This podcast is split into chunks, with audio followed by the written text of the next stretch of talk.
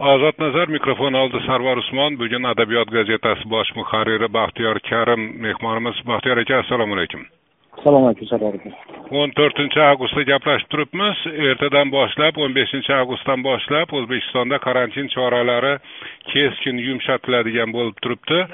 Kim tabib? Boshdan o'tkazgan tabib qirq kundan ortiq karantin lagerlarida ushlab turildingiz. Boshqalar bilmasa ham siz bilasiz karantin nimaligini shuning uchun e, siz nazaringizda ertadan o'sha keskin yumshatilishi karantin choralarini to'g'ri chora deb bilyapsizmi yoki noto'g'rimi? Chunki chunki qarangda kechagina shanba yakshanba kunlari shahar qishloqlarda hayot mutlaqo to'xtatilayotgandida va mana shunday sharoitda birdaniga birdaniga yaxshi bo'lib qoldimi vaziyat? Birdaniga bo'lmadi nisbatan e, ora orada yumshatilib turildi. E, lekin bu man ilgari ham aytgan edim karantin choralari keskin e, kuchaytirilganligi mamlakat iqtisodiyotiga juda katta zarba berilganligi va ayniqsa aholini turmush sharoitini keskin yomonlashtirib yuborganligini man oldingi bir intervyularimda bergan edim boshqa bir radiostansiyalarga shu ma'noda karantin choralari keskin yumshatilganligi xalqimiz tomonidan juda katta minnatdorchilik bilan qabul qilindi. Bu ayniqsa rizqi kundalik topishiga bog'liq odamlarga ayniqsa qo'l keldi. Juda ko'p odamlar e, xalqni o'sha ilgarigi alloh qo'li sochi olimimiz e, tahlil qilgan materiallarda juda ko'p odamlar e, iqtisodiy jihatdan juda nochor ahvoldaligini rasmiy ma'lumotlar bo'yicha to'rt besh to'rt million besh million aholi kambag'al deb hisoblansa norasmiy ma'lumotlar bu ko'rsatkich o'n besh yigirma millionga yetishini ko'rsatgan edi shu ma'noda karantin choralari keskin yumshatilganligi juda yaxshi ish bo'ldi deb hisoblayman. Birinchi gal o'sha karantin choralari kiritilib keyin yumshatilgandan keyin ahvol ancha abgorlashib ketuvdi keyin yana choralarni kuchaytirdi. Bu gal e, ana o'shanday effekt paydo bo'lmaydimi yana? Sizda bir xavfsirayotganingiz yo'qmi shu masalada? Oddiy bir toshkentlik sifatida yo'q xavfsirash xavfsirash e, nimasi yo'q chunki kasalliklar yuqadigani yo'qib bo'ldi. Bu nima besh kun shu besh kun e, ishxonaga borib ikki kun uyda qamalib o'tirsa shu bilan kasallik kamayib qoladi degan nimalarni o'zi bu xalqdan uzoq bir odamlar o'ylab topgan bir e, iqtisodiy bir nimasi yo'q bir odamlarda bir nimasi deb xulosasi deb o'ylayman. Karantin choralarini belgilayotganda ham shuni bir ishlab chiqayotgan olimlar qaysi nimaga qanday bir yo'riqlarga asoslanib shunaqa nima qilgan ikki kun uyga uyga chiqmasa besh kun uyda shaharda bo'ladi ishxonada bo'ladi qaytib kelib bolalarni ko'chaga chiqarmasliklar o'sha virus bo'ladigan bo'lsa shaharda yuqsa yana kelaveradida shu ma'noda shu odamlar kasal bo'ladigani bo'lib bo'lmaydigani bo'lmagan nimada shu karantin choralari keskin yumshatilganligi yaxshi bo'ldi deb hisoblayman yo'q endi insof yuzasidan baxtiyor aka insof yuzasidan shuni ham aytish kerakki masalan doktorlar karantinni joriy etishni tavsiya qilar ekan. Bu tavsiyalarni hukumatlar qabul qilib karantin joriy qilar ekan. Hech kim iddao qilgani yo'qki kasallikni to'xtatamiz deb. Kasallik tarqalish ko'lamini toraytiramiz sur'atini pasaytiramiz va natijada o'sha meditsina muassasalariga bosim ozayadi. Biz o'sha murojaat qiladigan bemorlarni davolash imkonini e, qo'lga kiritamiz degan e, gap qilinganda shu ma'noda shu ma'noda to'g'ri edi o'zi aslida karantin joriy qilishi. Albatta endi bizda agar yetarli kasalxonalar bo'lganda va odamlarni ijtimoiy himoyasi e, ilgarigi masalan boshqa rivojlangan davlatlarda shunaqa ijtimoiy himoyasi bo'lganda bu narsa qo'l kelardi lekin ijtimoiy himoyasi bo'lmaganda bu kasallik ko'p ko'proq shu immunitet bilan bog'liq bo'lganligi immunitet esa kundalik yeb ichish bilan bog'liq bir hodisa ekanligini hisobga oladigan bo'lsak va kundalik yeb ichishdan mahrum qilingan odamlarni e, karantinda yumshatib karantinda qatirib qo'yib qo'yish hisobiga ularni bir himoyalanish masalalari ham bu manimcha uncha to'g'ri bo'lmagan. Mana boshqa davlatlarda ijtimoiy himoya juda yaxshi nima qilingan bizda masalan ijtimoiy himoyaga yetarli e'tibor berilmadi. Ijtimoiy himoya der ekansiz shu kunlarni boshqa bir mavzusi esimga tushdi. E, xabaringiz bor hukumat o'sha ehtiyojmand oilalarga e, million so'mdan ajratdi va bu ham o'ziga yarasha bir janjallarni keltirib chiqardi. O'sha mahalla e, raislari bu yerda ham bir qilvirlik qildi. Э, chinakam bir ehtiyojmandga bermadi o'zinikilarga berdi degan gaplar ko'payib ketdi. Sizni xabaringiz bo'ldimi shunday shunday pullarni tarqatilishidan mahallangizda masalan?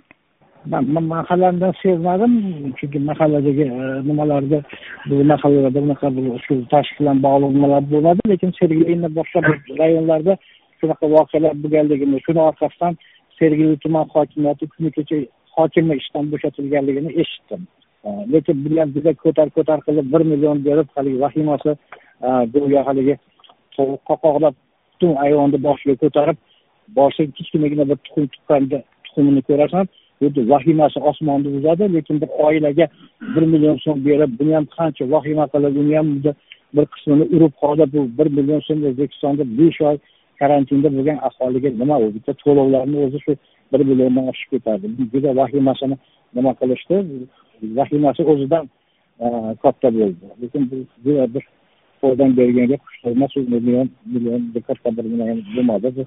Juda vahima qiladigan ijtimoiy himoya degan so'zga loyiq emas bu. Yo endi yo'q yo'qdan ko'ra yaxshiku baribir yo'qdan ko'ra yaxshiku.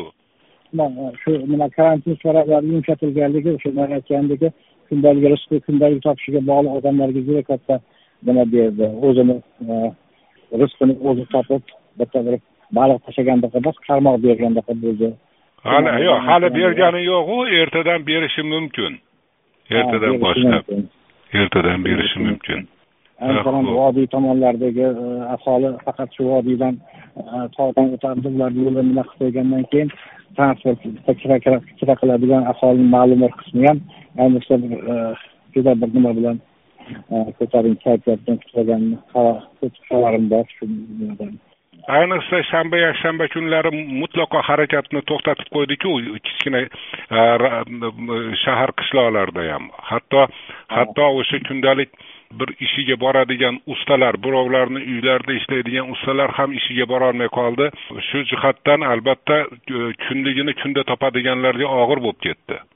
Albatta albatta. Lekin karantin karantin xalqimiz tabiatidagi boshqa bir illatlarga ham urkitib yubordi desam odamlarda sharoitdan foydalanib qolish ayniqsa bu aptekachilar juda bir bir so'mlik dorini besh so'm o'n so'mga qo'yib hozir ham shu kunlarda shunaqa e, nima bo'lyapti e, qolaversa mana kirakashlar arzimagan e, uylariga doim qatnab yuradigan benzin narxi oshmagan xuddi o'sha borish kelish xarajatlarini ikki uch barobar oshirib yuborganligi bu xalqimiz yomon illatlarni ham urkitib urchiganini shu tabiatda yomon so'zlar borligini isbotladi yerda karantinda bu saboqlardan e, dori masalasini tilga oldingiz bu bu sohada qandaydir bir yengillik paydo bo'lib qoldimi? Dori paydo bo'ldimi aptekalarda?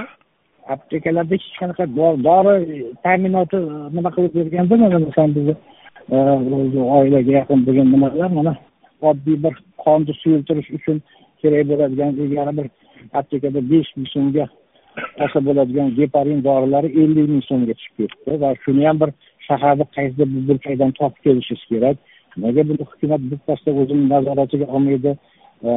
Kasalxonalar mana man karantinda yotgan bo'lsam koronavirusni dastlabki sharoitda haligi har bitta chiqqan bemorni shifokorlar hatto sog'liqni saqlash vaziri ham chapak olib kuzatib qo'yayotgan sharoitlarda o'sha kunlarda karantinda kasalxonalarda deyarli dorilar e, bemorlarga bepul beriladi. Hozir kasalxonalarda o'rinlar ko'paytirildi. E, istagancha kasalni qabul qilishimiz kerak degan iddao bilan chiqdi sog'liqni saqlash vazirligi va orqasida hukumat.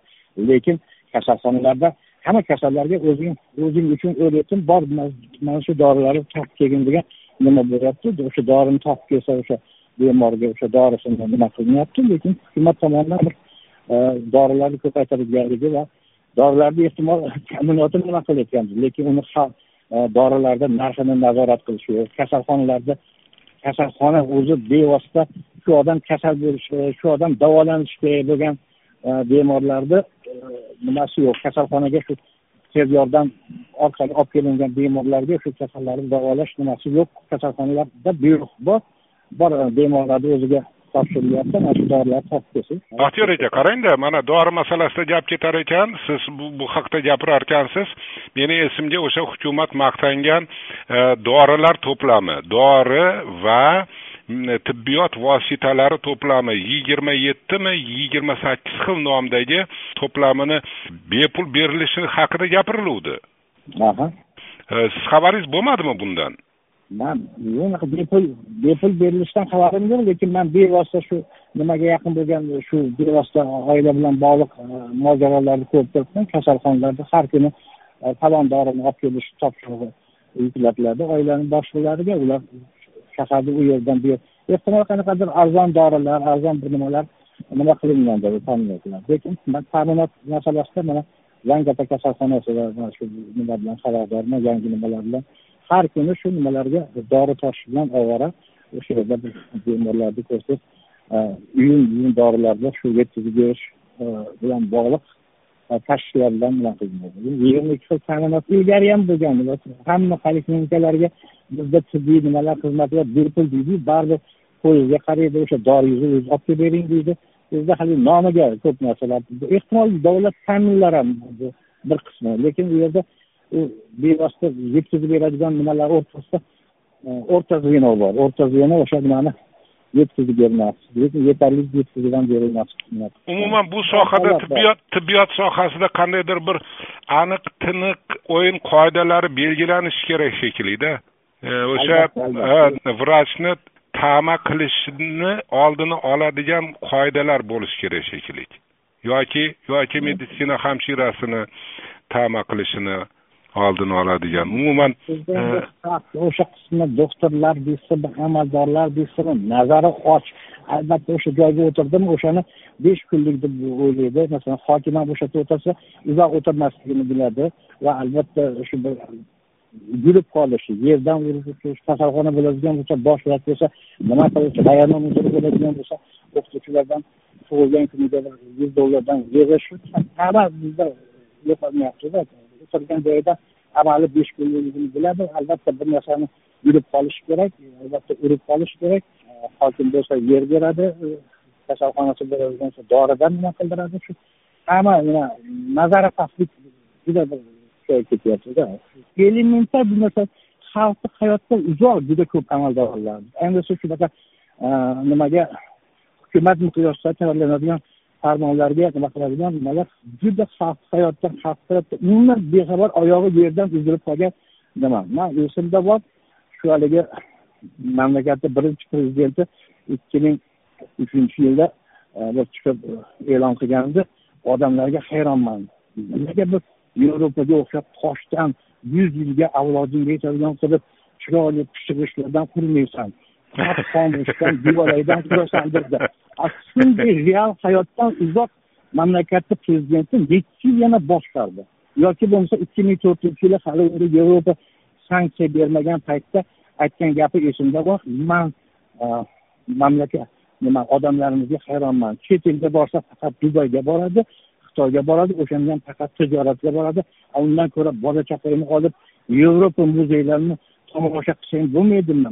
Man onam tirik bo'lganda prezident sifatida emas farzand sifatida butun yevropani aylantirib kelardim dedi. Bir yildan keyin yevropa sanksiya qo'ydi. Demak bu e, shu andijon voqealaridan oldin aytilgan demak andijon voqealaridan oldin aytilgan bo'lsa bu o'shandan keyin ham yana mamlakatni o'n ikki yil boshqardi mamlakatni mamlakatni boshqaradigan odamlar bir xalqni ham bir o'ylash kerak. Xalqdan uzoq bo'lib qolishni oqibati.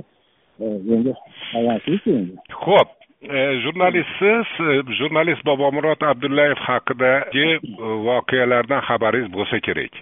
Albatta mani tashvishga nimani nimani o'ylayapsiz? Nimasi tashvishga solyapti? Mani tashvishga soladigan narsa masalan qozog'istonda agar bobomurod abdullayev ushlaganda ushlanganda qozog'iston hech qachon ekstraditsiya qilmas edi. Qirg'iziston o'zbekistondan e, iqtisodiy jihatdan qaram u albatta qirg'iziston o'zbekistonga qaytarib beradi va o'zbekiston hukumati endi buni eh, nimasini beradi lekin o'zbekistonda ham uni himoya qilishga mana mana karantinda qancha himoya qilinadi himoya qiladigan kuchlar eh, nima turibdi jurnalistni qamalishi. Bu endi bu signal endi boshqa jurnalistlarga ham mana nima qiladiganlar nimadan signal? O'yin tugadi degan ha xuddi shu signalga ishora man endi o'tgan safar siz bilan qilgan suhbatimda ham aytgandim ba'zi idoralar o'zini vakolatidan oshib ketyapti buni albatta prezident nazorat qilishi kerak degandim shu narsa ham bir bobomurod abdullayevni nima qilinishi ham hibsga olinishi ham o'sha nimalarda bir o'yin tugadi degan gapni bir nimasi gap o'yinlar haqida ketadigan bo'lsa o'sha siz ham bir chetida bor E, yangi tuzilayotgan tuzishga urinilayotgan partiya bilan bog'liq ham savol bergim kelyapti. Ishlar jilyaptimi? O'sha haqiqat va taraqqiyot degan yangi partiya masalasi nima bo'lyapti? Ishlar endi ishlar e, juda qiyinchilik bilan haligi bir har bitta santimetr uchun e, kurash ketyapti va har bitta santimetr uchun ham qattiq qarshilik qilinyapti. Masalan oddiy bir adliya vazirligi shu boshqa respublikalardan tashqaridagi o'zbekiston fuqarolariga e, imzo berish huquqi berilmaydi deb nima qilindi? Biz ularni bu noqonuniy qaror ustidan konstitutsion sudga murojaat qildik. Va yana bir nimasi? Qanaqa imzo haqida ketyapti? Uzr uzr tinglovchi tushunishi kerak. E, e, elektron imzolar e, elektron imzolar qo'yish huquqi va umuman shu partiyani qurish tuzishga rozilik beradigan va hozir o'zbekistonda yashamayotgan e, asli o'zbekiston fuqarolarini imzosi masalasida ko'rilyapti adliya vazirligi bu haqida bizga o'zini xulosasini berdi. O'zbekistonda yashamasa ularni ovozi hisobga olinmaydi va qayd etilmaydi. Rasman boshqarma boshlig'ini bir o'rinbosarini nomidan bir oltinchi darajali odam bizga rasman javob berdi. Biz endi bu qarorni ustidan konstitutsion sudga murojaat qildik. Hali javobini kutib turibmiz. Ikkinchi masala. Sizlar sizlar adliya vazirligiga to'xtang adliya vazirligiga murojaat qilar ekansizlar nimani so'ragansizlar? Ro'yxatdan o'tkaz shunday partiyani deb murojaat qilganmisizlar yoki nima? Yo'q biz ro'yxatdan o'tkazish bilan bog'liq protseduralarga amal qilish o'sha masalalarni qanday hal qilish e, bosqichlari haqida nima qilganmiz? Biz shu saylov to'g'risidagi qonun bo'yicha biz hozir ellik kishidan iborat E, nima tashabbus guruhi bir joyda o'tirib majlis o'tkazib sez o'tkazish kerakda biz shunaqa bir partiya tuzishga qaror qildik. Mana qarorimizni nimasi deb nima qilish kerak? Bu qaror qabul qilingan to'qson oltinchi yilda e, oradan bir yigirma to'rt yil o'tgandan keyin butun dunyo bo'yicha koronavirus tarqaladiyu koronavirus bo'yicha qoida buzishga uch kishidan ortiq yig'ilish mumkin emas degan qoidani hech kim xayoliga ham keltirmagan. Lekin o'sha talab talab turibdi. Uch kishidan ortiq majlis o'tkazish mumkin emas bu yerda bu nima saylov to'g'risidagi qonun bo'yicha ellik kishidan iborat tashabbus guruhi bir joyda o'tirib qaror qabul qilishi kerak degan. Shu elementar bir nimani ham biz adliya vazirligiga yozma murojaat qilib yozma murojaat bo'yicha bir oy kutishimiz kerak. Onlayn o'tkazishimiz mumkinmi yo'qmi? Juda katta qiyinchilik bilan e, nima bo'lyapti? Shu kundagi eng so'nggi qadam nima? Eng so'nggi qadam biz shu e, konstitutsion sudga murojaat qildik. Haligi e, boshqa e, o'zbekistondan tashqarida yashaydigan vatandoshlarimizni imzosini hisobga olish. Nega biz o'shanda aytdik? Nega ularni ovozi prezident saylovi prezident saylovida hisobga olinadi deputatlar saylovida hisobga olinadiyu lekin oddiy bir elementar partiya tuzish haqidagi nimada hisobga olinmaydi degan bir iddaoni qo'ydi shu iddaoga javob berishga ular javob berdi olinmaydi dedi. Va sababini tushuntirmadi. Biz o'sha ularni shu qism konstitutsiyaga murojaat qildik. Vaqt o'tyaptida vaqt o'tyapti elementar bir nimalar uchun ham tushunarli. Tushunarli. Va eng so'nggi savol e, o'sha adabiyot gazetasini soxta soni bo'yicha. Biron narsa aniqlandimi? Aniqlandi. Bu nimani e, bu shunchalik soxta sonni tayyorlab turishni tagida man o'ylovdimki bu soxta sonni to'rt donasini chiqarib domlani yoki o'sha e, e'lon qilingan jahongir muhammad yoki boshqa bir nimalarni asabiga o'ynash uchun bir besh o'n dona chiqarilgan bo'lsa kerak deb o'ylasam yo'q bu juda katta miqdorda chiqarilgan ekan bu katta miqdorda chiqarilganda ham hatto shu qadar xotirjamlik hech narsa bo'lmaydi degan nimada hatto mani mani ba'zi majburiyatlarimni ham bular o'zini bo'yniga olishgan obunachilarimga ham yetkazib berishgan bundan tashqari haligi do'konlarga sotish uchun berishgan va berishganda ham qalbaki hujjatlar bilan berishgan mana bemalol sotaveringlar sizlarga uch ming so'mdan berishgan. Do'konchilar ham bizga esa o'n ming o'n ikki ming so'mdan ura ura qilib sotishgan. Biz endi o'sha hujjatlarni qo'lga kiritdik qo'limizga kiritdi. Va shu ma'noda biz bosh prokuraturaga murojaat qildik. Bosh prokuratura ko'rib chiqishi lozim ko'rsa ko'rib chiqadi ko'rib chiqmasa qachon? qachon murojaat qilgansizlar qachon? Biz endi murojaat qilganimizga bir o'n kuncha bo'lib qoldi. Hozircha javob yo'q a hozircha javob yo'q. Endi ularga yetib borganga bir ikki kun o'tadigan bo'lsa bizga yetib kelgungacha bir ikki kun o'tadigan bo'lsa yana bir o'n kunlarda bir balki javob topib qolarmiz degan umiddamiz hozircha hech qanaqa bir e, javob yo'q bu masala bo'yicha qandaydir bir boshqa harakatlar boshqa qandaydir bayonotlar telefon qo'ng'iroqlari shubhali qandaydir xabarlar chaqiruvlar hech narsa bo'lgani yo'q a yo'q bizga hech qanaqa bir tavsiya boshqa bir jihatdan qilgan bular endi e, bo'laveradi deb o'ylashganda biz bayonot berganimizdan keyin masalan yigirma to'rtinchi kuni gazeta e'lon qilinyapti. O'zi yigirma to'rtinchi kuni sana bilan chiqqandan keyin eng kamida o'sha yigirma to'rtinchi kuni topshirsangiz biz matbuot tarqatuvchiga ertasiga yigirma beshida sotiladi. Yigirma to'rtinchi kuni sahar soat oltida toshkentdagi hamma do'konlarga asosiy matbuot tarqatuvchi do'konlarga berilyapti. O'sha kunlari karantin kuchaygan shanba yakshanba umuman yurib bo'lmaydigan ahvolda bo'lganda biz endi bexabar qolganmiz. Yigirma beshinchi yigirma oltinchi yigirma beshinchi kuni biz bundan xabar topganimizdan keyin yigirma oltinchi kuni biz bayonot beryapmiz. Yigirma yettinchi kuni e, umuman do'konlar ishlamaydi lekin biz bayonot berganimizdan keyin do'konlardan hamma sotilmagan qismi qaytarib olinyapti shosha pisha. Ularni hujjatini qo'limizga oldik. O'sha do'konlarda do'konlarga olib chiqib yangi qaytarib olinganligi haqida hujjat nega? Tarqatilganda yigirma to'rtinchi kuni tarqatilgan biz bayonot berganimizdan keyin etagini yopish uchun bular nimada? Yigirma yettinchi kuni shosha pisha do'konlarda sotilganini sotilganini qilib sotilmaganini qaytarib olishyapti va do'konchilar adabiyot gazetasini qaytarib berdim deb yozib bergan nimalarini qo'lga kiritdik. Shunaqa nimalar endi bu viloyatlarda viloyatlarda bemalol bizni obunachilarimizga ham o'zlari yetkazib berishi shu soxta va e, viloyat do'konlaridan nima qilyapti? Mana bugun eshitdim sirdaryoda deyarli bizga esa sotilmoqda. Aholi kam yashaydi. O'sha do'konga yuzta olib borishgan ekan yuzalar sotilib ketibdi.